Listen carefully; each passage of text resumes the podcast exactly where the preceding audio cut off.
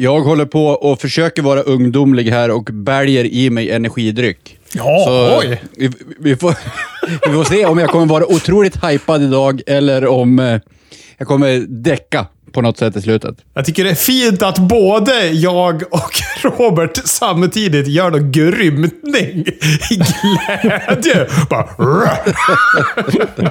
Så gutturalt läge. Men jag, först så tänkte jag så här, det känns så oanders att dricka energidryck. Sen dras jag, till, eh, dras jag tillbaka till när vi träffades på wrestlemania kvällen Och jag tror aldrig jag har sett sådana mängder energidryck köpas så, sådana kvällen. Fick ju liksom eh, det där Sweden Rock att framstå som en jävla hälsoresa. Sitta och bälja i sig alla de där jävla konstiga ämnena.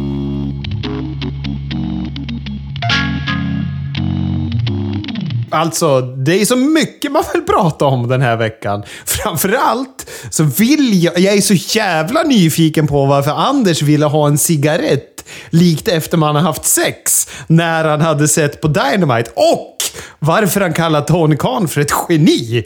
Det har ju kliat i mig hela jävla dagen. Ja, det, man känner inte riktigt igen eh, den Anders. Jag såg också i eh, på Wrestling Observer radio-feeden. Första kommentaren från Anders. I need a cigarette. Skrattade jag gott. Ja, men det var, en annan, det var någon annan som skrattade också. Men eh, Dave Meltzer var inte lika eld och lågor som jag. Han har en liten annan... Eh, nå någonting annat som han söker av wrestling än jag, tror jag. Men vad är det du fick? Vad var det du fick? Jag är så jävla nyfiken. Jag står här och hoppar upp och ner. Nej, men nu, alltså, det, hela eh, det här Dynamitet var ju som en tripp. Alltså, det var ju så konstigt eh, och överraskande. Det var, vad heter det, verkligen eh, ett eh, så här Vince Russo, Vince Russo bokar-avsnitt. Så eh, jag tyckte att det var spännande och roligt. Eh, men framförallt så är det väl sådär att hur kan det här förvaltas framöver? Eh, för eh, det hände som sagt jättemycket saker. Eh, jag vet inte eh, egentligen om det var positivt för AW framöver, men det var roligt tycker jag eh, att se i alla fall det här avsnittet. Det var inte som förväntat. Vad fan Chris, Jeff Jarrett, Shibata och Colt Cabana på ett och samma Dynamite. Det är, man blir ju snurrig bara av att säga de tre grejerna. Och då Jeff Jarrett och Colt Cabana på ett och samma Dynamite. Det var ju uppförsbacke för mig. Ja, och just nu kommer det jobbiga att jag satt ju och var så otroligt glad när Jeff Jarrett klev in i ringen. Jag satt ju och smygjublade i ett rum på jobbet, för jag smygkollade lite då. Och vad heter det? Jag var så jävla glad när jag såg honom. Men han var ju i toppform. Både att han ser ju för fan nu står jag och spänner musklerna här hemma i Härnösand, men han var ju fan bitig! Och sen så var han ju kung på micken tycker jag. Ja, ja jag vet inte. Jag, jag känner bara att, att jag, jag fattar inte heller riktigt den där promon som han drog. Alltså ska han starta någon sorts uh, invasionsangel eller vad, är- vad är tanken med det där? Nej, han ska ju bli chef för live events. Ja. det är också konstigt. Han, var, han startade någon slags eh, eh, invasion, kändes det ju som, i angeln, eller promon som han drog.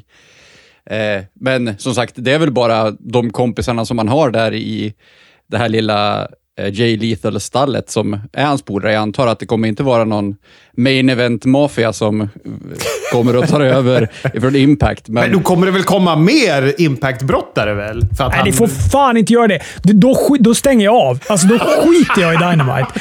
På riktigt. Alltså, om, de börjar, om han har den dåliga smaken Tony Khan, att börja plocka in någon jävla TNA Impact-brottare. Nej, du vet, då jag stänger av. Jag ser inte. Jag lägger ner podden. Jag ser inte. kommer, Jag, jag slutar se. På riktigt. skulle det, vad, vad skulle det vara för brottare som kommer i så fall då, Chris? Ska det vara Elix Skipper och Petey Williams och... Åh, Elix Skipper, vilken kung! Nej, Peter Williams, han är ju road agent i WWE. Väl? Men det är ju Bizarro World för mig nu. Inte nog med att jag står och spänner musklerna i köket, utan jag har en Robert som är helt tokig på Tony Khan i förtid. Och vi har Anders som bara vill lägga sig och njuta med en cigg av Tony Khan. Det är, jag vet inte vart jag är. Det kommer ju bli en resa det här poddavsnittet känner jag. Innan vi kommer till eh, prata mer om Dynamite, för det finns faktiskt eh, mer att prata om där. Kan vi inte prata lite mer om eh, de nya uppgifterna som har kommit eh, angående den här utredningen då med Elite och CM Punk och, och grejer?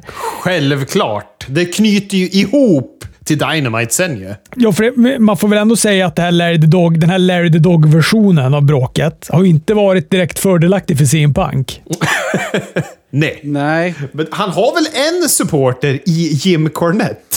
Ja, han har blivit väldigt eh, CM Punk-kär han, men det är väl också genom att han är emot AW som, som eh, Jim Cornette är lite grann också. I och för sig, Jim Cornette, han gillar ju MJF väldigt mycket, han gillar FDR väldigt mycket, men han är väl anti Tony Khan ganska friskt i alla fall. När blev han det? Blev han det från första början eller är det när Tony Khan bara dök upp på wrestlinghimlen som han började gå lös på honom? Han hatar ju Kenny Omega. Alltså han hatar ju honom med passion. Så där Kenny Omega och Young Bucks är, det är ju helvetet för Jim Cornette. Orange vad bottnar Cassidy. det i? Någon gång måste han väl ha förklarat vad det är. Ja, men Orange Cassidy kan man ändå förstå varför han hatar. alltså det, jag kan ändå förstå att man, att man inte tycker om honom.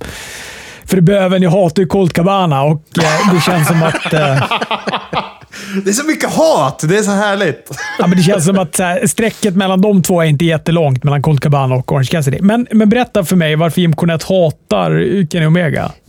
Ja, jag kommer inte ihåg. Jag har kunnat det där förut. Jag har för mig att det är från någon eh, uppkäftig kommentar utöver att han tycker att han bara är en kass brottare. Han tycker att han är... Jag har för mig att jag lyssnade på någon podcast för, låt oss säga, tre, fyra år sedan, när han jämför Kenny Omega med Ultimate Warrior. Han tycker de är typ samma person. Alltså, för mig blir det så jävla konstigt. Alltså, hur kan wrestling... Alltså, jag fattar att man kan tycka olika, men det där är ju typ som att säga att så här, Smoke on the Water är inte ett bra riff. Det är så här, man kan vara trött på det, men uppbyggnaden och följden av ackord i Smoke on the Water kan inte låta dåligt hos någon. Och Det blir liksom samma sak med Kenny Omega. Det, han är ju inte en dålig brottare. Hur en vrider och vänder på det är han ju inte en dålig brottare. Sen kan man ju tycka att han har en kass karaktär eller att han är liksom dryg eller att han kommer från, från ett annat håll och såna här saker. Men, Jag tror, men- att, jag tror att grunden för hans hat är den här matchen som Kenny Omega hade emot den här nioåriga tjejen. Och då tycker han ju liksom att han har eh, pissat på wrestlingen. Så att eh, det spelar liksom ingen roll hur bra matcher som Kenny Omega har, för han har liksom vanhedrat det som, Ken, som eh, Jim Cornette har så himla kärt. Du har helt rätt, Anders. Okej, men då är, ju inte, då är han ju inte en dålig brottare egentligen, utan då är det ju bara att han tycker att, ja, men han, tycker att han har pissat på wrestling och därför är han sur. Men han har hårda konkreta bevis. Han kallar ju honom för Twinkle Toes och det är ju för att Kenny Omega, likt Goldberg, inte har koll på fötterna. En dålig wrestlare, de rör för mycket på fötterna. De kan inte stå still, de vet inte vad de ska göra. Det är bara att titta på Kenny Omega när han är i ringen. Han är en kassbrottare. Han är Twinkle Toes. Hörde ni att Jericho också hade stegat fram till CM Punk efter det här bråket och sagt att, förklarat för honom att han är kräfta för AEW. Han är kräfta för wrestling. Jag älskar ju Jericho för det. Ja, han har verkligen tagit eh, bollen och sprungit med den sen... Eh, eh, han är ju liksom verkligen Tony Khans bodyguard nu känns det som på något sätt. Han eh, gör allt för AW. Han och Mox är väl de nya bossarna i, i omklädningsrummet. Man är ju intresserad av vilka det är som står vart i omklädningsrummet ändå. För det har ju varit liksom interna källor som har sagt att ja, men vissa av de stora namnen har varit helt okej med att brottas mot CM Punk om han skulle komma tillbaka. Men att man har på något sätt gjort någon demokratisk omröstning att nej, vi vill inte ha tillbaka honom. Så det spelar ingen roll att ni fem kan tänka er att gå ett program mot honom. Vi andra, 55, vill inte. Men det är ändå några som är okej okay med honom då. Bland annat FTR kan man ju tänka. Ja, ja, då kan man ju tänka. Det känns också som att Moxley skiter i det. Han är väl lite såhär, ja, jag, nog kan jag spöa honom ifall jag måste. Ja, vet, att han, gud ja. Att han bryr sig inte. Men Jericho har väl uttryckligen sagt att, att han kommer inte eh, ställa en ring med sin Punk efter det här. Nej, exakt. Precis, och sen som sagt, nu så eh, när Colt Cabana kom tillbaka så var det ju till exempel Trent eh, tweetade ju “For the boys” eh, på den, när han klev in då. Så att eh, han är väl på, på Colt Cabana-sidan i alla fall. Då. Sen till exempel så läste någon intervju med Brock Anderson till exempel. Han hypade upp eh, att CM Punk och FTR var så bra med de unga, i alla fall med honom och Lee Johnson till exempel. Då, att de diskuterade och kritiserade matcher liksom efter eh, för att ja, få lära sig nya saker ifrån en sån veteran som CM Punk då. Vi måste ju ändå landa i vilken jävla markering av Tony Khan ändå och skicka ut Colt Cabana som Ring of Honor-mästaren som ska utmana Chris Jericho. Det är ju att skicka ett jävla budskap med besked rakt ut till folket att vi står på den här grabbens sida. Typ. Så är det ju. Eh, det är ju ett tydligt, tydligt eh, bevis på att han står på den sidan. Men samtidigt så var det ju även snack här när, eh, att när Colt Cabana försvann ifrån AW och var, var, bara på Ring of Honor. Då så eh, förnekade de ju upp och ner om att CM Punk hade någonting med det att göra. Och sen nu så är det klart att CM Punk är borta och hips vips så dyker Colt Cabana upp på AW igen. Så det känns ju också lite sådär att var det verkligen sant det som de sa att, att CM Punk inte hade någonting med det att göra. Självklart kanske inte CM Punk uttryckligen hade sagt att jag kommer inte vara här om han är här, men Tony Khan har ju i alla fall tagit bort honom på grund av att CM Punk var där. Det känns ju som så också. Så är det. Det måste ju vara att han har gjort det för arbetsfriden. Och det är som du säger, vad sänder det för signaler? För det sänder ju ändå signalerna att han Alltså han kryper ju till korset på ett sätt genom att göra så här. Men grejen med Tony Khan är att jag tror inte han fattar det. Det tror inte jag heller. Jag tror inte att gemene man kopplar det heller. Sen så, vad heter det? Låt det bero då. Man kan väl tolka det som att han kanske fattar det och han ber om ursäkt så här. Vem vet? Ja, precis. Han lär sig ju på jobbet i alla fall. Och det var ju väldigt såg ju ut som att eh, Colt Cabana var väldigt rörd av ögonblicket, så att det var ju fint på så sätt i alla fall. Det var det enda positiva med Colt Cabana. Det var att han inte var så där fånig som han brukar vara. Och lo, alltså han såg arg ut. Han såg frustrerad ut. Och, och då kanske så inte att han var frustrerad på hela grejen med sin punk och sådär, utan det kändes som att han var frustrerad på att han tyckte att Chris Jericho pissade på hela Ring Warner-renomméet. Och det gillade jag. Det gillade jag jättemycket. Men det var också det enda jag gillade. Det är så fint att det är underliga brottare jag associerar med dig ändå, Robert. För det är ju Colt Cabana och Pretty Peter Avalon som du direkt dyker upp i mitt huvud när jag ser de här herrarna. Visst hörde man ändå lite CM Punk-chants under Colt Cabana-matchen? Man gjorde det i typ tre sekunder tills de började chanta “Welcome back” och dränkte CM Punk-chanten. Det var ju typ en liten session som började chanta CM Punk, men de ställde sig i ledet och chantade “Welcome back” sen. Jag tror att det räckte med att det skulle vara tio personer som chantade CM Punk, för det var ju tydligen bara 2 500 i arenan idag. Eller på Dynamite, så att det eh, var inte så mycket folk som var där. Vad var det för något som jag frapperades över här om i veckan, apropå det? Ja, men det var väl eh, Smackdowns eh, tittarsifferfall på, när, alltså när de byter till FS1. Att, att, vad hade de? Åtta, strax över 800 000 tittare. Ett program som brukar ha typ över två miljoner tappar så pass mycket för att de byter kanal. Och har konkurrens också. Men de, eh, visst, de tappar ju fan mer än 50 procent av tittarna för att byta kanal. Det är inte så lojal fanbase. Nej, men för de har väl haft konkurrens förut, men legat kvar på Fox? Eller ni menar då för att det är konkurrens just på kanalen Fox? För jag menar, de har ju haft konkurrens tidigare, men, men inte gjort ett sånt dramatiskt tapp, även ifall de har tappat. Men det har inte varit att de tappat två miljoner tittare. Nej, men det är väl i kombination, det är väl i kombination att de flyttar och sen så, så är det även, var det väl college-matcher, jag vet inte om det var World Series i baseball också, så att det var väl liksom en, en eh, kväll som det var mycket som tog deras tittarskara åt annat håll. Då. Men det är ju en för jävla slö fanbase. Alltså ifall det är så att de bara slår på Fox och så bara inser de att så här, nej, här är ingen wrestling. Jag brukar kolla på wrestling på den här kanalen, men det är inget. Jaha, då tittar jag väl på det här som står på istället. Eller byter till någonting annat. De kollar som inte ens upp att det är på FS1. Det är, vad heter det, är, det, är, det är fans av Fox. De är inte fans av WWE, utan de, på, på fredag kväll då ska jag titta på Fox. mellan den här och den här tiden. Det är därför de har så hög ålder på sin demo. Det är pensionärer som inte vill byta sina vanor. Men man kan ju tänka sig att fanbasen inte kände sig speciellt Uzi. Att det var därför de inte bytte. Sned näsring, Bloodline har svårt att hålla för skratt och Emma i veckans comeback. Det är liksom ingressen för Smackdown. Vill du börja med den sneda näsringen, eh, Anders? Ja, Braun Strowman. Jag, han, jag kunde inte koncentrera mig på någonting för att han hade sin... Jag har aldrig sett en så sned näsring. Eh, det tycker jag ni ska gå tillbaka och pausa och titta och skratta åt honom lite grann. För det var helt märkligt hur hans tjur tjurnäsring kunde vara så himla sned. Men det var så roligt, för du skickade en stillbild på den där till, i gruppen och så tänkte så här, men hur sned kan den här näsringen vara egentligen? Och så tittade jag på bilden och bara, den är imponerande sned. Och sen när det här segmentet kommer, jag håller med dig, jag kunde inte fokusera på någonting annat. Det är... Att de inte bara säger åt han. Törs de inte?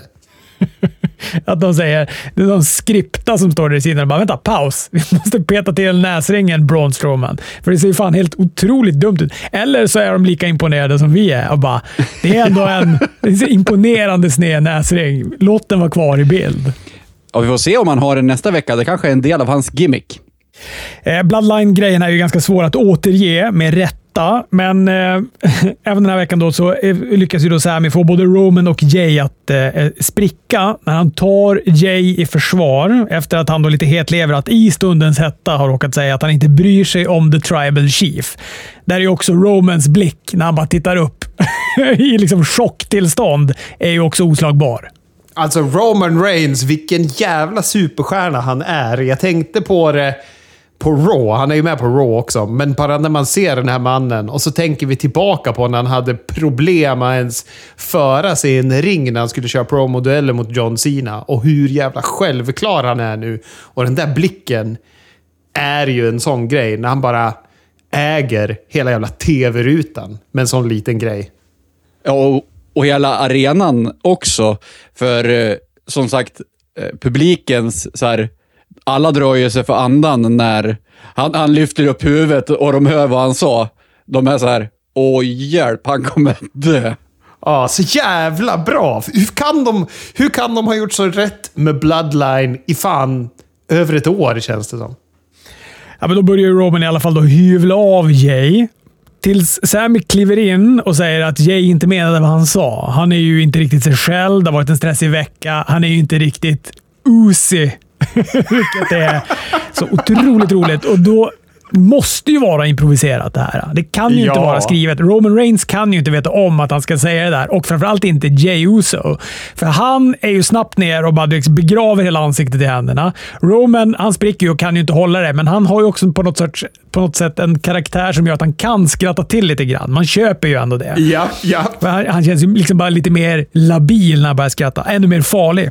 Ja, man märker ju verkligen att de har det roligt och Sami Zayn känns som att han har gjort det till eh, liksom en tävling nu på något sätt, att få dem att, att börja skratta hela tiden. Jag vet, inte, jag vet inte om det var en backstage-intervju eller om det var med på något av programmen när de pratade om att de skulle gå och fira på Waffle House efter, eh, efter showen. Eh, för eh, det finns ju någon historia där Kevin Owens och Sami Zayn den första gången de träffade på Usos, tror jag, när de var på, de åt tillsammans på Waffle House och Kevin Owens och Sami Zayn glömde att betala så att de stack därifrån och så fick Usos stå för notan. Jag läste på Twitter, det var någon som pratade med Kevin Owens om det. Eh, och, och då i det här segmentet så pra, höll ju Sami Zayn på att prata om att jaha, vi ska iväg och fira efter det här, vi ska på Waffle House och, eh, och då såg man också så här, yay, Eh, eh, han väntade sig inte att, åh, att Waffle House-historien skulle komma upp mitt i, mitt i intervjun. Liksom. Och den här gången kommer jag stå för notan, typ. så ta vad ni vill. Och, ja, det var riktigt roligt. Det känns som att han har gjort det till en tävling att få dem att skratta. Han ska vara glad att Vince McMahon inte är vid rodret längre. Det känns som att Triple H tycker det här är roligt. Vince McMahon hade gett han sparken. Ja, och publiken, publiken håller ju på och ropar Uzi nu och gör skyltar om det och så vidare, så att jag tror att det, de tjänar nog ganska bra på att bara låta dem göra som de vill eller vara sig själv. Heter han förresten, eh, nu eh, har ju, Sami Zayn var ju inte med på Raw, men kommer han heta Sami Uso nu eller kommer han fortfarande vara The Honorary Uso? För att han skulle ju ta bort Honorary Uso, han skulle ju bli en del av familjen. På riktigt. Ja, han, han hotade väl Jay att om han inte skärper sig, då kommer han döpa om honom från Sami Zayn till Sami Uso. Ja, och där det. gick jag ju ner i spagat, för där blev det ju ännu roligare allting. jag hoppas att han kommer gå under namnet Sami Uso ett tag. Men någonting som inte är lika roligt då? Det är väl Bray Wyatt? Ska vi få något av det här, eller? Uh, jag tycker ju... Ja, jag lyssnade inte så mycket på vad som sades, eller kunde inte koncentrera mig på vad som sades. Det var väl lite svamligt den här gången också.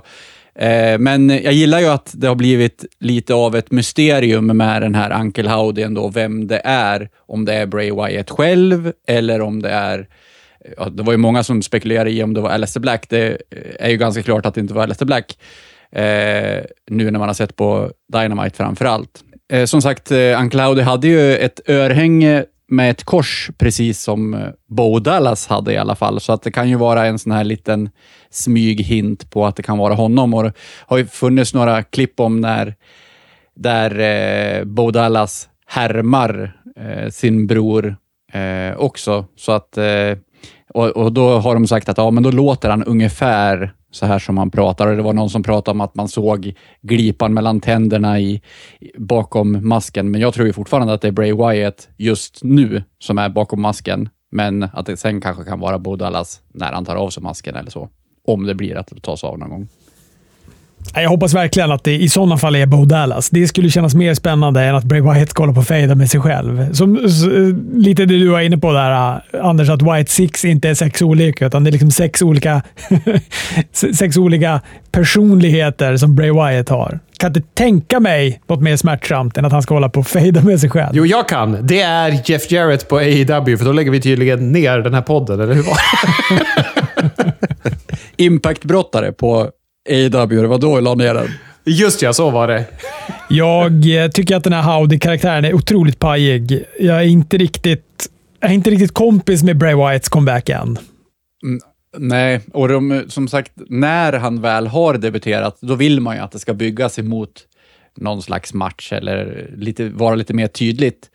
Ifrån början, innan han debuterade, då var det ju, tyckte jag att det var jättespännande med de här kaninhålen, men just nu så vill man ha ett lite tydligare mål för honom.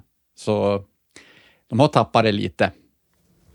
Emma var det ju som svarade på Rondas öppna utmaning. Kanske inte den bästa brottaren att sätta mot Ronda. Hon behöver ju lite bättre eh, motstånd. Jag tyckte väl kanske inte att den här matchen var usel, men Emma här, hon har ju brottats i 200 år och hon har utvecklats exakt noll under de 200 åren.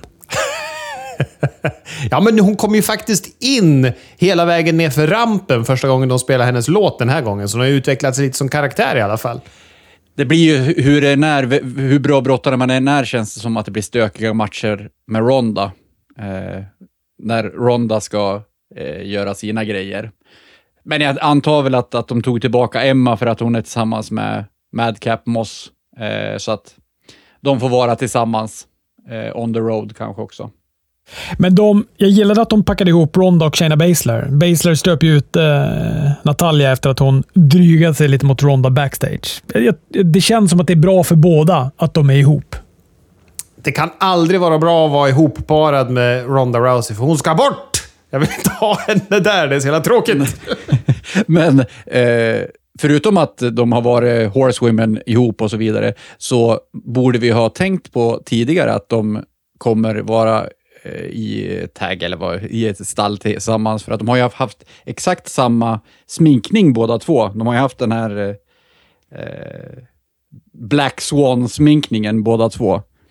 Så nu kanske de kan vara ett Road Warriors-team med samma sminkning båda två.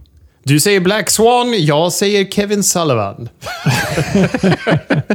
det blev inte Wesley eh, som joinade Hitrow för att ta sig an Legado del Fantasma, utan det blev Shinski Nakamura som fick den otacksamma rollen. Ja, precis. Carme Carmelo Hayes var det som jag trodde skulle joina.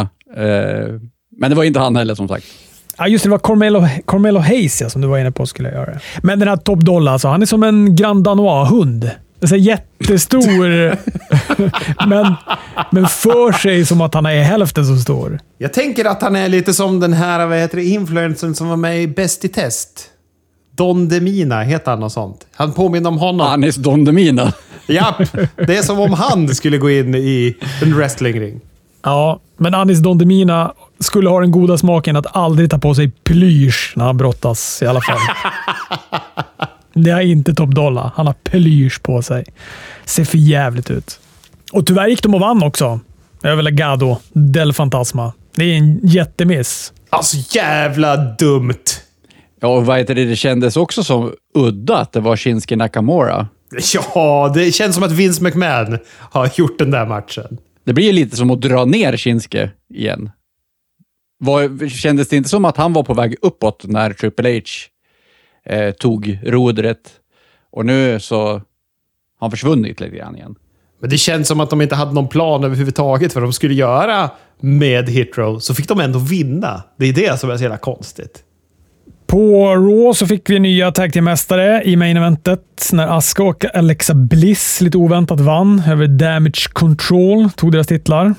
Den här upprinnelsen kom ju efter en match mellan Bianca och Nikki Cross. gick en ganska bra match tycker jag. Eh, inledningsvis. Där. Bianca vann. Ding Dong Incorporation hoppade på henne med spö fram tills Aska och Alexa Bliss kom in då efteråt. Och sen utmanade de Damage Control om titlarna i ett eh, backstage-segment. Ja, Nikki Cross har, har gått helt och hållet tillbaka till sin Sanity-gimmick nu. Hon var inte lika fixad som förra veckan, som vi pratade om då. Men hon känns fortfarande lite utan Sanity så känns det lite malplacerat med den där gimmicken och nu har de inte byggt upp det på något snyggt sätt heller, att de ska ha den där gimmicken. Det är som bara vände sådär, tvärt. Det hade varit bättre ifall hon hade fått växa in i att bli galen. Ja, och tillbaka med Eric Young och hans skrovliga röst.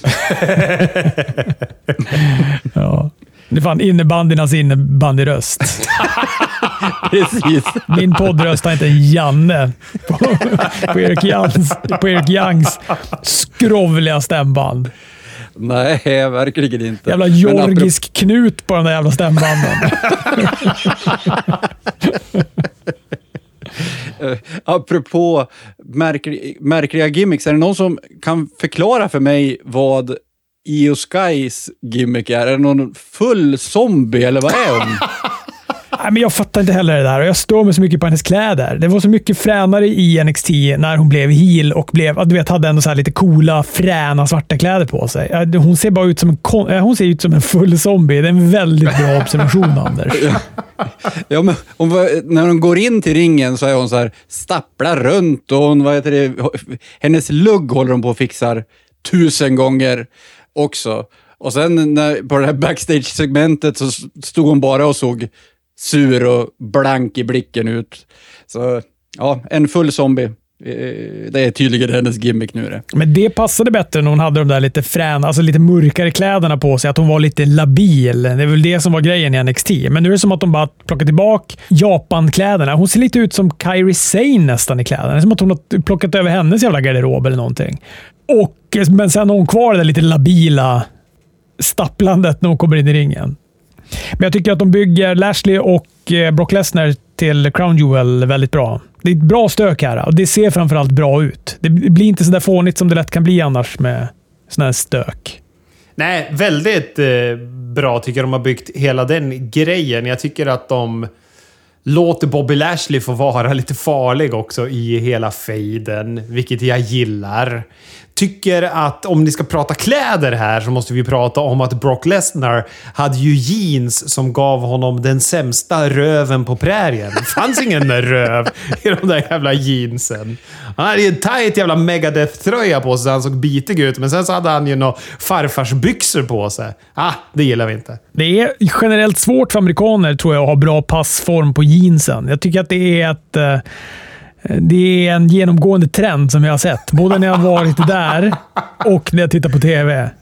Men det har, Brock Lesnar har väl alltid eh, sådana där jeans och han har alltid sin t-shirt instoppad i jeansen och så vidare också. Han är bra.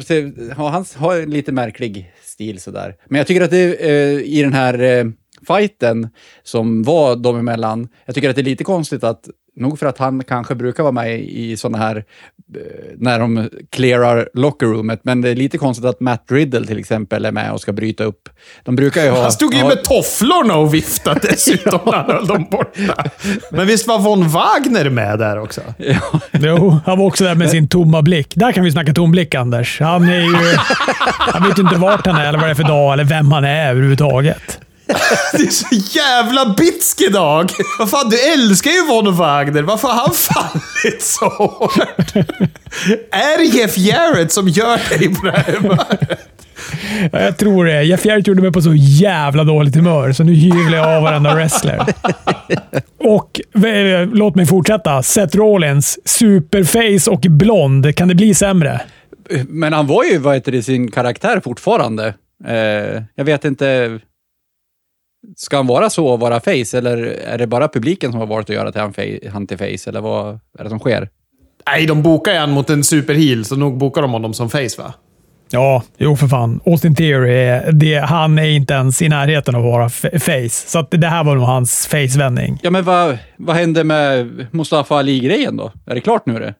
Ja, jag tror att Triple H gjorde en Vince McMahon och bara kände att den där, den skiter jag i. Men de nämnde ju honom på, vad heter det, kommentatorerna nämnde ju honom. Och då måste vi nämna kommentatorerna. Nu har Kevin Patrick fått några veckor. Kan vi vara överens om att han är bedrövlig?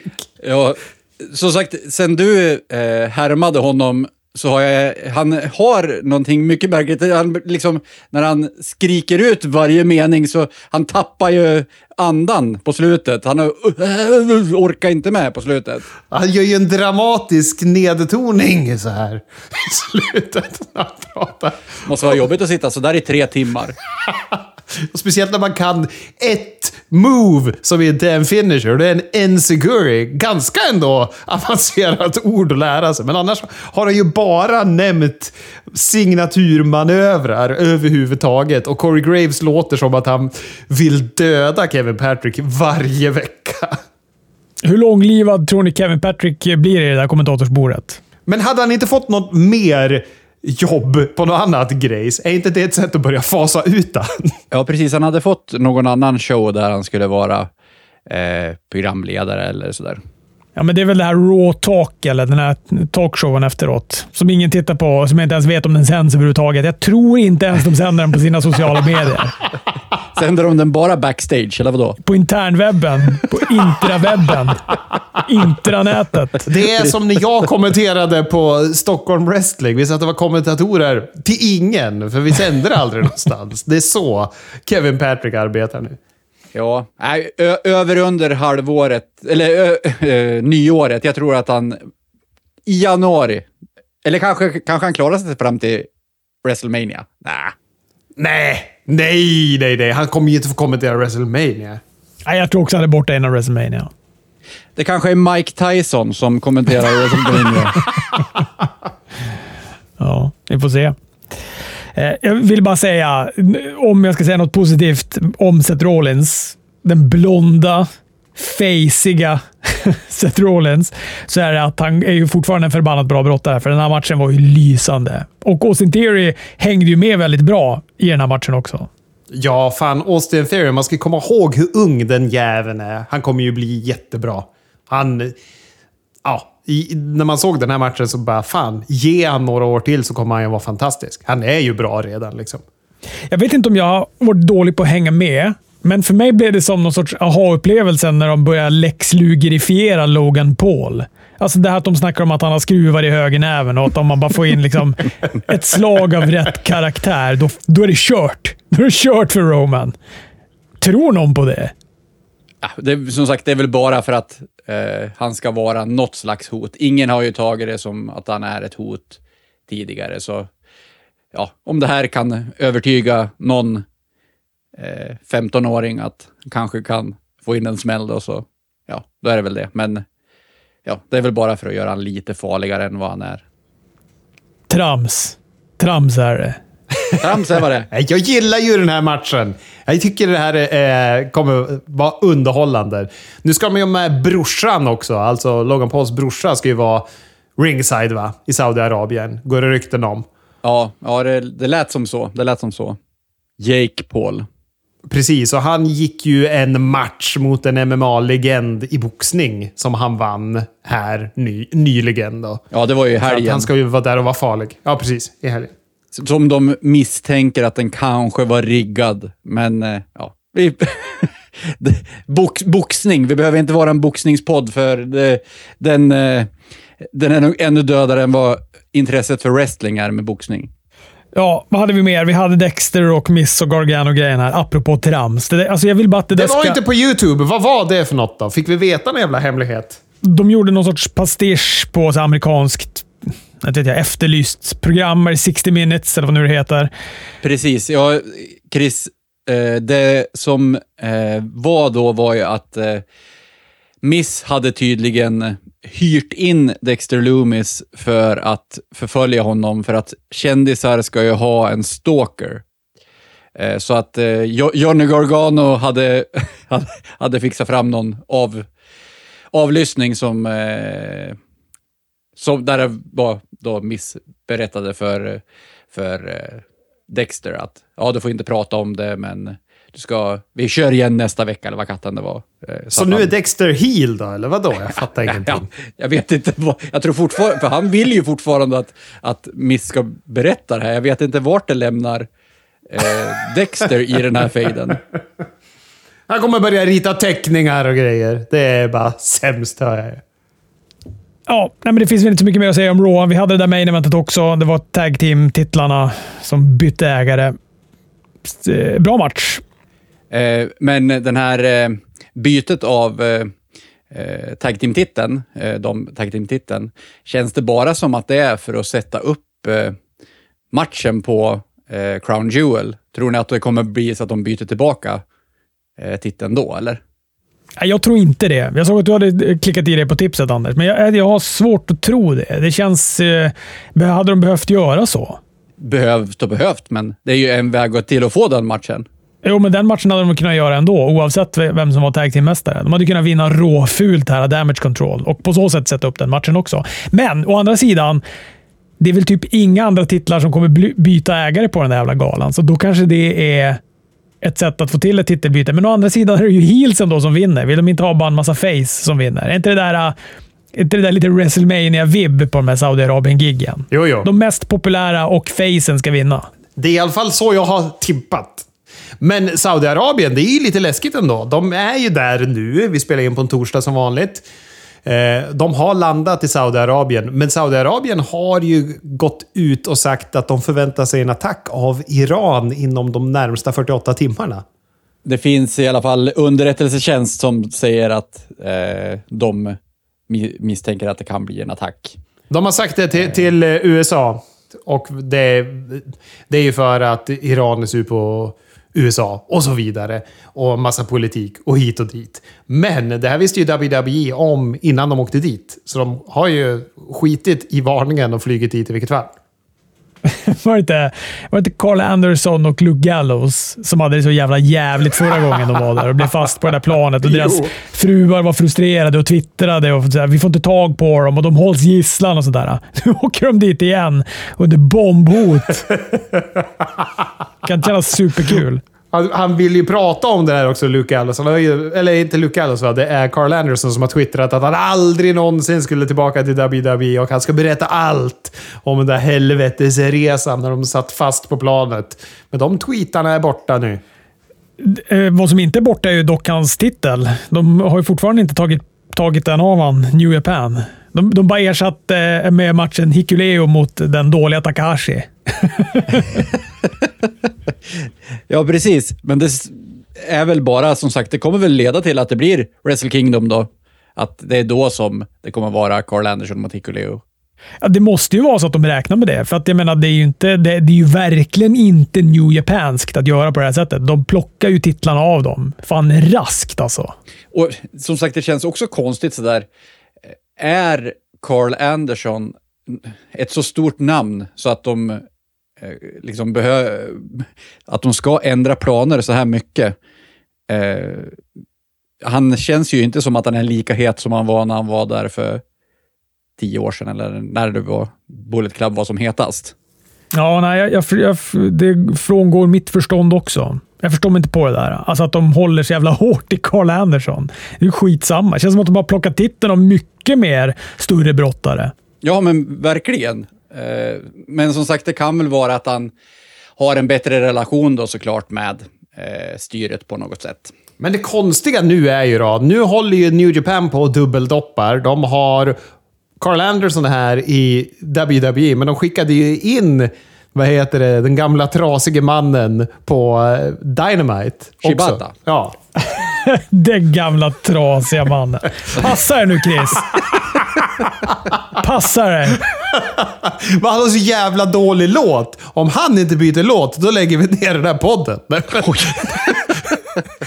Den, den är ju ingen energi. Ingen fattar ju vem man är när han kommer in. Och sen så måste någon, de, samma tio personer som käntade CM Punk började känta holy shit när han klev in. Och då började publiken fatta att det var någon. Ja, men de gillar ju det här med lugna, låga volymer i början på låtar. I Japan verkar det som. Och trötta Carl Anderson titelhållare. Det och låg volym. Vad är det med japaner? Jag tycker AW är lite dåliga på det där också. Det är, de, de, har då, de har dålig umf i sina låtar. VVE är, är duktiga på mixen, alltså att ha bra volym på låtarna när de kommer in. Men i soffan får jag ibland spetsa öronen för att höra vad det är för jävla låt som går på där när folk gör entré. Vilket jag tycker är synd. De har mycket bra eh, introlåtar. De har inte fattat att man kan direkt linea mixerbordet, eller vad heter det, CD-spelaren till mixerbordet. De plockar ju upp det med husmickarna, musiken på AEW, medan WWE körde ju direkt in. Kör, kör de verkligen med en CD-spelare? ja, har du inte hört hur dålig produktion det är på AEW? De kör med CD-spelare. Jag vill börja prata lite om Rampage. Jag tyckte att Rampage var mycket bättre. Eh, den här senaste då, som vi har tittat på. Mycket, mycket bättre. Det var ett rejält jävla lyft. Eh, Tyson som kommentator då nästa vecka. Det känns märkligt, men vi får väl anta att han kommer vara inblandad i någonting mer än att han bara ska sitta och kommentera. Jag kan inte tänka mig något konstigare. Och jag, jag blir så himla förvirrad också. Ska han vara kommentator, som det låter nu, så ska han ju vara kommentator hela timmen. Inte bara en match eller sådär. Och den är live, Anders. Den är live den här jävla timmen. Det är så jävla märkligt move alltså. Förra gången som Mike Tyson var med så somnade han för fan ringside. Under en match. Hur ska han kunna klara en hel timme och sitta och prata? Ja, det är, det är kittlande ändå. Det har vi ju hört nu när vi, när vi släpper den här podden. Då har vi ju hört honom sitta och prata i en timme. Vi får se hur det har gått. Eh, Mox mot eh, Matt Menard vann Mox. Det var väl inte helt oväntat, men jag tyckte det var en bra match. Som sagt, Ma- Matt Menard, Daddy Magics jävla ögon. Jag kommer bli liksom hypnotiserad ifall jag ser längre matcher med honom eller längre promos. Jag tycker han är toppen. Eh, vad som också var toppen, det var fan Swerve. Alltså den här, uh, det här jävla segmentet han gjorde, det här kidnappningssegmentet som han gjorde med Billy Gunn. Mörkt och väldigt, väldigt bra tycker jag det var. Det var ju både mörkt och humoristiskt. Det var ju som om de hade lånat in Tarantino på, på någon vänster. För Billy Gunn är både rolig och ganska duktig skådis i det här äh, klippet tycker jag. Men Swerve är ju fantastisk. Han är Ja, ju... han är fantastisk här. Han är riktigt, riktigt bra. Hur kan han vara så bra i allt han gör? Han är ju... Han är ju en riktig jävla MVP och har steppat upp rejält sen han fick chansen i AEW. Och fruktansvärt heligt att klippa av Scissor med Daddy Ass-fingrarna av självaste Daddy Ass. Kan inte tänka mig hur healer man kan göra idag. Nej, verkligen inte. Det eh, var ju... Uppföljandet av det här var ju lite märkligt på Dynamite ändå, tycker jag. Vi kommer komma dit, som sagt. Men eh, någon som klipper fingrarna av en och att man efter det eh, är liksom det som är det man är arg över, att man inte kan sissra någon. Det är inte att man ska leva ett liv utan fingrar, utan jag kan inte sistra folk. Ja, Han bröt dem väl bara? Ring polisen för fan. Han var ju så jävla glad också på Dynamite. Nej, det är härligt att han är, att han är lite retarderad ju. Att han inte riktigt förstår. Att han bara vill sissra. Det, det tycker jag klär Billy Gunn. Att han inte riktigt kan kommunicera. Han får inte prata i en mick. Han får prata så fort ingen har en mick i närheten av honom. Och så rör han sig som ett förvuxet barn. Han är ju fantastisk. Han måste ju prata med en psykolog. Eh, Han håller ju på och försöker förtränga att han har blivit av med fingrarna när han är så himla glad. Någon måste prata med honom och förklara att det här är ju allvarligt. Men det var ett bra segment och jag älskar Daddy Ass. Jag vill vara tydlig med det också, Chris. Man, man älskar ju även den här Rick Ross som Swerve stod med backstage. Det har aldrig varit någon som har skrattat så ondskefullt och nöjt över att det ska bli en eight man tag och bara skrattar Tony Schiavone i ansiktet. eight man! det var ju kung! Han måste de anställa. Han var ju som, han var som en bra version av Devon Dudley tyckte jag. Eller som om, om Devon Dudley hade fått anabola som gav en tusen gånger mer karisma. Nu tycker jag Devon är ganska karismatisk, men han var ju han var fantastisk tycker jag.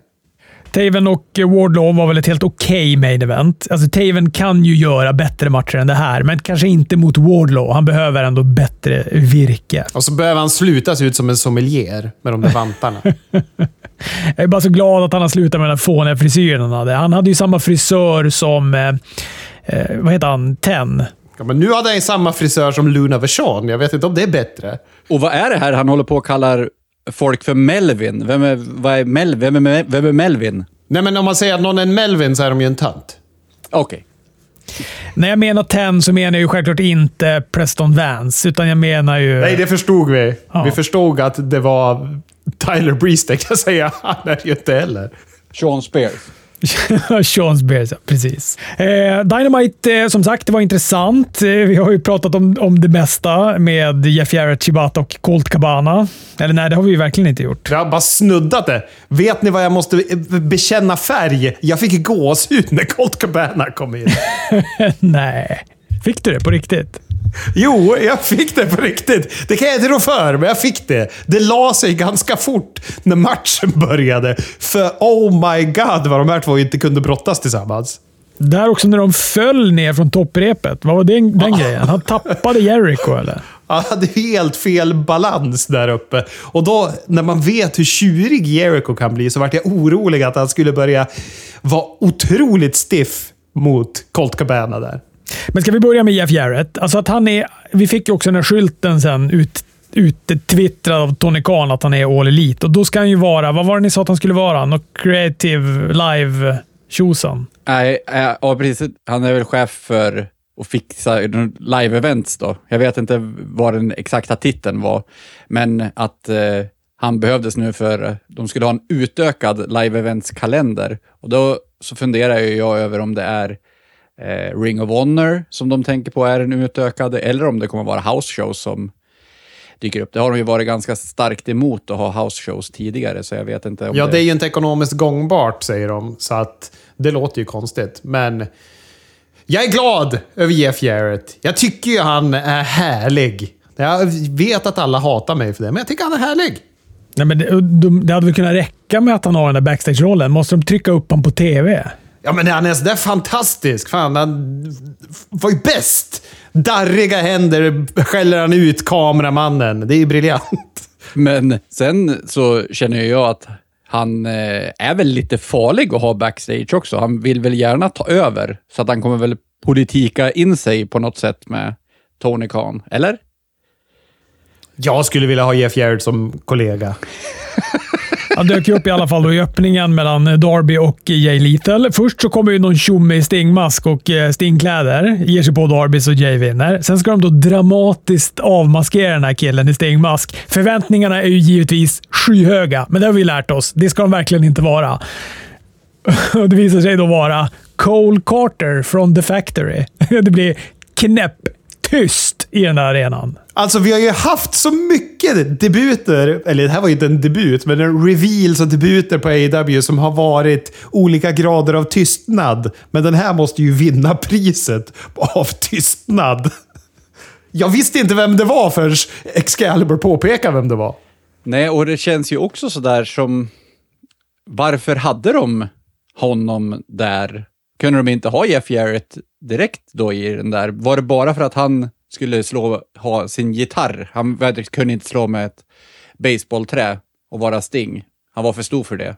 Jag tror så här ja, att, och här tycker jag att vi ska ha tillit till Tony Khan. Men du har ju kallat honom för geni, Anders. Så att du har ju det nu.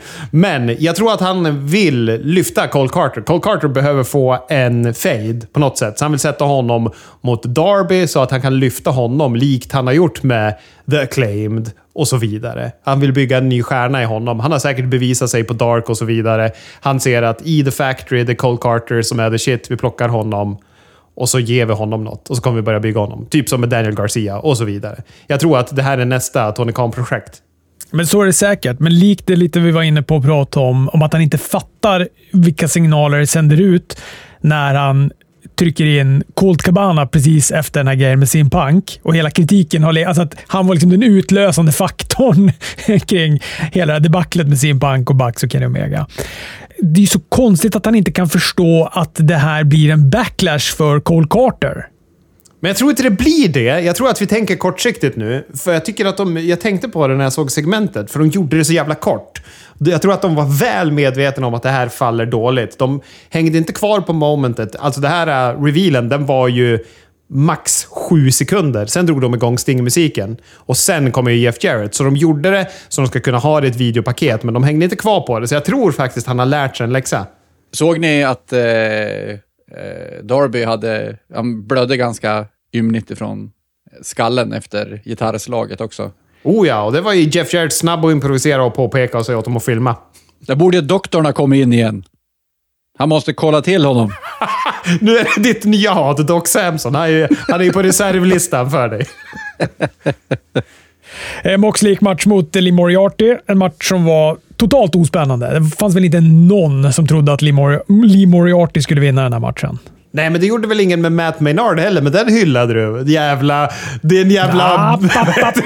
Partiska jävel. Passa dig. Eh, och Sen hade vi då den här Daddy Ass Birthday Bash. Det var ju kul. Det var också kul att de eh, gjorde någon sorts... Eh, ah, de drev lite med Generation X nostalgigegga. Det gillade jag. Tyckte också om att de hämtade skylt från publiken. Att de lät publiken vara delaktig. Det tyckte jag var bra och proffsigt. Men det, eh, som sagt, nu har de en, en fy, fyra mot fyra match nästa vecka. Eh, men visst kommer det bli, eh, som jag tippade förra veckan, att det blir en four way tag på full gear, va? Ja, då kommer det bli det, va? så att FTR får ta titeln. Jag tror du har helt rätt i ditt siande där. Ja, det, det, det, tror jag också. För de vill heller inte sätta singelmatchen, eller tag team-matchen, Acclaim mot FTR. Och de vill inte att, att Acclaim ska förlora den och titlarna nu mot FTR. Men det där är ett, ett smartare sätt att plocka titlarna av dem. Och som det är nu så är det väl Acclaimed emot Swerve och Keith Lee som är matchen. De vann väl den här number one contender-grejen, men som sagt, genom att, genom att alla är med i segmenten, alla fyra teams är med i segmenten hela tiden, så är det väl helt logiskt att det blir så. Absolut, så får Assboysen ta, ta förlusten, så att alla andra tre teams ser starka ut. Orange Cassidy behöll sin Atlanten-titel. Han vann triple threaten mot, eh, eller med Luchasaurus och Ray Phoenix. Det var en ganska skoj match.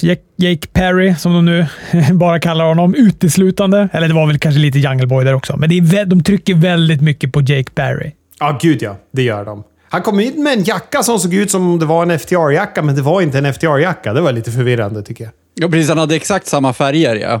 Ja, och samma det här liksom 80-tals, 80-90-tals-temat på den. Och det var lite roligt också, att, eh, jag såg det inte själv, men jag hörde på någon podd där de pratade om att de brukar ju alltid ha flaggor vid namnen eh, när de möter, kör om den här All, All Atlantic-titeln. Men Luchasaurus, han hade, ing, hade ingen flagga. För han är ju från dinosaurietiden, det fanns inga länder. Men konstigt i den här matchen också att Christian blir kommentator efter halva matchen. ja, det tänkte jag inte på, men det har du faktiskt rätt i. Apropå våra kommentator efter halva matchen, det kommer ju också en, en eh, match här snart, dammatchen, där Nyla Rose kom in och man, matchen försvann helt och hållet. Det var en ganska dyngig match i sig, kanske Jade Cargill mot Marina Shafir, men Det där Eh, var det enda på hela Dynamite de kunde ha tagit bort helt och hållet. Ja, men eh, jag är faktiskt benägen att hålla med den här gången. Men och sen är det ju en stökig storyline i allmänhet när de har en match om titeln som hon inte har emot kompisen till hon som har titeln. Och, ja, ja. Det är eh, virrigt deluxe. Och där när Kiera Hogan också skulle slita titeln av eh, Nyla Rose. Som de inte fick med på bild ens. Nej, det missar de ju helt och hållet att filma. Och det var inte heller så att de kunde klippa in någon reprisbild på det eller något sånt där, utan de måste ju verkligen bara missat att filma det. Det fanns ingen kamera på dem vid det tillfället. Men vi klipper bort det där ifrån podden också. Nej, det gör vi inte. Men vi snurrar tillbaka till när Jack Perry kommer och hoppar genom ett bord med Luchasaurus. För en av kriterierna för den Triple Threat-matchen var ju att vinnaren också fick en drömmatch på Rampage. Så de måste ha förberett vad de skulle ha för drömmotståndare. Och Tony Khan, han har ju en sån här batphone så han kan ringa upp vem som helst på direkten, tydligen. Och efter matchen, då kommer ju den trasige gamle mannen in. Passar dig. Fan. Men alltså, förstår ni inte hur sjukt det är att han, att han ska gå en match på Rampage? Jo, det är ju helt bisarrt. Publiken fattar det inte heller, för de fattar inte vem det är. Men... Ja, men alltså, ja, Shibatas, nu har han haft, hade han ju den här eh, grappling-matchen som inte bara blev grappling eh, tidigare, men eh, eh, som sagt, att Shibata ska ha en wrestlingmatch eh, med Mike Tyson som kommentator mot Orange Cassidy på Rampage. Det, där det bara är matcher som inte har någon betydelse överhuvudtaget. Eh, Nu det- är det som om jag sitter och spelar dataspel och bara bokar någon match. Bara random figurer med Mike Tyson som kommentator, för det var han som var ledig, typ. Men vad fan, men det är ändå sjukt. Alltså, du, du pratade ju om den här uh, show-off-matchen, eller uh, vad var det de kallade det? Det var liksom en uppvisningsmatch skulle han ju gå mot René Rita. Den har ju du och jag pratat om, Chris, för vi poddade ju när den här var. Där han liksom shoot ändra den matchen till att vara en, en riktig wrestlingmatch samma sekund som den ska sättas igång och har ju inte satt fötterna i en New Japan-ring efter det, så att jag tror ju inte att de var supernöjda med att han, eh, att han gjorde det lilla beslutet precis innan. Nej, det, som sagt, de är, var nog inte så nöjda på honom, men sen så känner jag också sådär, AW är ju ganska mån om sin relation med New Japan, så att, att de får eh, liksom slänga in Shibata i en match, bara sådär. Undrar hur det bemöts av New Japan. Eller är de bara så här, okej, eh, det är ju inte på våran show i alla fall, så han får väl göra vad han vill. Eh, Nej, och nu har ju inte den här matchen gått än. Man vet ju inte ifall det händer någonting som gör att han inte går den. Fast å andra sidan det vore konstigt också. Det är ju inte riktigt Tony Khans melodi att göra en Vince McMahon och lova en match som sen inte blir av. Det är också en så jävla stor match, men jag är ju sjukt taggad på den, även om man vet att jag menar, den här uppvisningsmatchen som han gick mot René Rita, absolut, det var ju en riktig wrestlingmatch, men han tog ju fortfarande inga bumps, även fast det var en riktig wrestlingmatch. Det är skönt att han möter någon som Orange Cassidy ändå, som inte har en massa moves som man behöver bumpa till. Det kan ju bli en, en fånmatch om de vill det. liksom. Så får Shibata bara äga honom. För de som nu inte känner till vad det är som hände med honom. Han gick ju en match mot Okada i New Japan för ja, var det 2017 eller något sånt där, 2018, 2017 och eh, fick ju någon sorts inre hjärnblödning efter att han gjorde en headbutt. och höll ju på typ dö. Han kollapsade ju när han kom in backstage och sen så tog de honom till sjukhuset. Och Han hade ju någon sorts inre blödning på hjärnan och de trodde ju inte att han skulle överleva. Och framförallt när det visade sig att, ja visst, absolut, du kommer, du kommer överleva, men du kommer aldrig kunna ställa dig i en wrestlingring igen. Där är vi nu. Ja, och så är det mot Orange Cassidy. Det är så konstigt namn. Jag förstår precis det jag sa, att man kan göra det till vilken sorts match som man vill då. Men det är ändå, det är mot Orange Cassidy. Det är jättekonstigt. Han hade ju eh, två önskade motståndare i eh, AW. Eh, Orange Cassidy, så det var ju Shibata själv som hade önskat att möta Orange Cassidy. Den andra motståndaren, då kommer det kanske inte vara lika vänligt för att det var ju Brian Danielson som han ville möta då, så vi får väl se om det kan leda till att det blir någon sån match i framtiden också. Eh, det kan ju inte det här vara ett tecken på att hans hjärnblödning inte riktigt har lagt sig eftersom han väljer två namn så väljer han Orange Cassidy? Det är fortfarande väldigt märkligt. Jag vill bara spåra tillbaka lite till innan Shibata kom in här. För kommer ni ihåg vad jag sa förra veckan? Att liksom trots försonande, trots försonande kram mellan Pac och eh, Ray Phoenix och eh, Penta så var ju, är ju den här hammaren inblandad även här eh, och det är fan början till en eh, spricka som kommer krackulera den där trion. Ja, det är den märkligaste sprickan då. Han är beroende, han är kär i den där hammaren. Hörde ni att han gav av en liten F-bomb när de hade tagit bort hammaren och gömt den? Where's the fucking hammer? De blipade det inte heller. Men det har jag lärt mig apropå F-bombs. De får göra tre svordomar. Det är gränsen de har. Vi fick den här House of Black-vinjetten också, utan Buddy Matthews. Va? Visst, han såg man inte till där. De var ju tre hela tiden. De här särkbeklädda. Han var, väl, han var väl begravd i liksäcken redan, Buddy Murphy. Man såg inte hans ansikte i alla fall. Det Sen- kan ju ha varit Alex Reynolds som låg i liksäcken. Bara för att Buddy Matthews var någon annanstans. Men det var... Man antydde att det var Buddy Matthews. Ja. Eh, vi får väl se om det eh, verkligen är någonting. Eh, men som sagt, Alistair Black, eller Malachi Black, eh, var ju där i alla fall. Så det känns väl positivt för en framtid där i alla fall, att det- då har, har det lugnat sig lite grann. Ja, och på vad heter det, internet har ju Buddy Matthews... Har ju släppt, alla de här fyra har ju släppt enskilda videos också. När de håller på att förbereda sig för return, som går i samma tecken. Det är ju typ någonting med någon baptizing, har jag för mig. Alltså att de döps och grejer. Ja, okay. Jag tycker också Julia Hart gör det bra. Det har jag kanske varit inne på tidigare, men, men det känns som att hon har hittat en bra plats där. Dålig hatt, bra plats. Dålig hatt. Men du gillar Jeff Jarretts jävla gubbhatt. Det gör jag. Samoa Joe och Brian Cage var main eventet. Samoa Joe fick Brian Cage att tappa ut. Det var väl helt okej. Det var stökigt efteråt. Embassy kom in, Wardlow kom in, sen dök Hobbs upp och eh, satte en eh, spinebuster på Wardlow och poserade med hans TNT-titel efteråt. Jag måste ju säga att så här bra har inte Brian Cage varit någonsin i AEW. Även om det här kanske inte vad heter det, satte natten i brand, så tycker jag att Brian Cage har haft väldigt bra veckor sedan han kom tillbaka. Verkligen. Eh, man var ju ganska sval på Brian Cage innan och eh, han har faktiskt eh, lyst upp lite grann nu. Eh, men det känns som att det var lite märklig, eh, att de borde ha flippat det här så att det var eh, Atl- All Atlantic-matchen som var main eventet och den här TV-titelmatchen var på den platsen istället för att, att Shibata kommer ut skulle vara ganska mycket större än att Will Hobbs kommer ut. Eh, speciellt som att de hade väl exakt samma slut på Rampage.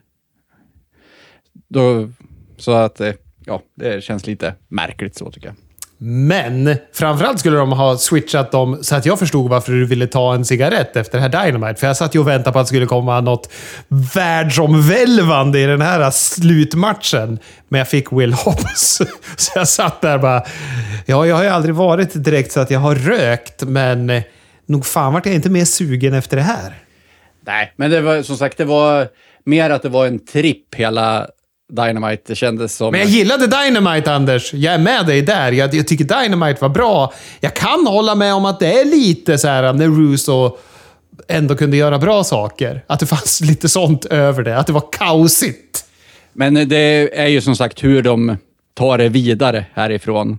Eh, jag vet inte, Colt Cabana kommer ju inte bli något stort, stor av det här. Och det, alltså, ja, det var väl bara för ikväll mycket, men eh, det var ju spännande med både att... Eh, vi har ju inte pratat i och för sig om eh, elitsegmentet, va? Har vi inte pratat om. Eh? Nej, just det. Det var ju superbra. De, de pratar alltså de här elitsegmenten är ju rakt på pulsen av vad folk tycker och har tänkt ju. För här var det att man fick sitta när de satt och redigerade i...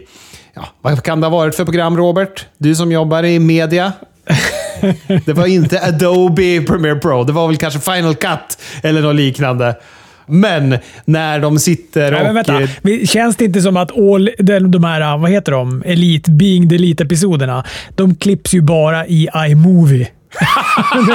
Gratisversionerna på deras jävla Macbook. Sega. Det är dåligt med RAM-minne i deras jävla Macbooks också när de klipper de där. Okej, vi reviderar. Precis, det här var ju bara en backstage. Det var ju bara så här behind the scenes på att de sitter och klipper ett Being the Elite-avsnitt. Eh, hela det här segmentet. Mycket badboll. Det var alltså någon som satt på en Macbook med vad heter det? iMovie. Nu har vi lagt upp ribban här. Och eh, har klippen från när The Elite vinner Triple Trios-bältet. Men de tar bort det och ersätter det med när Death Triangle vinner istället. Supersnyggt ju, för det är så folk tyckte. Nu bara, nämner ni inte de här. Nu har vi helt plötsligt nya mästare. Alltså, tycker det är jättebra. De har fingret på pulsen. Hörrni, detta om detta. Vi hörs.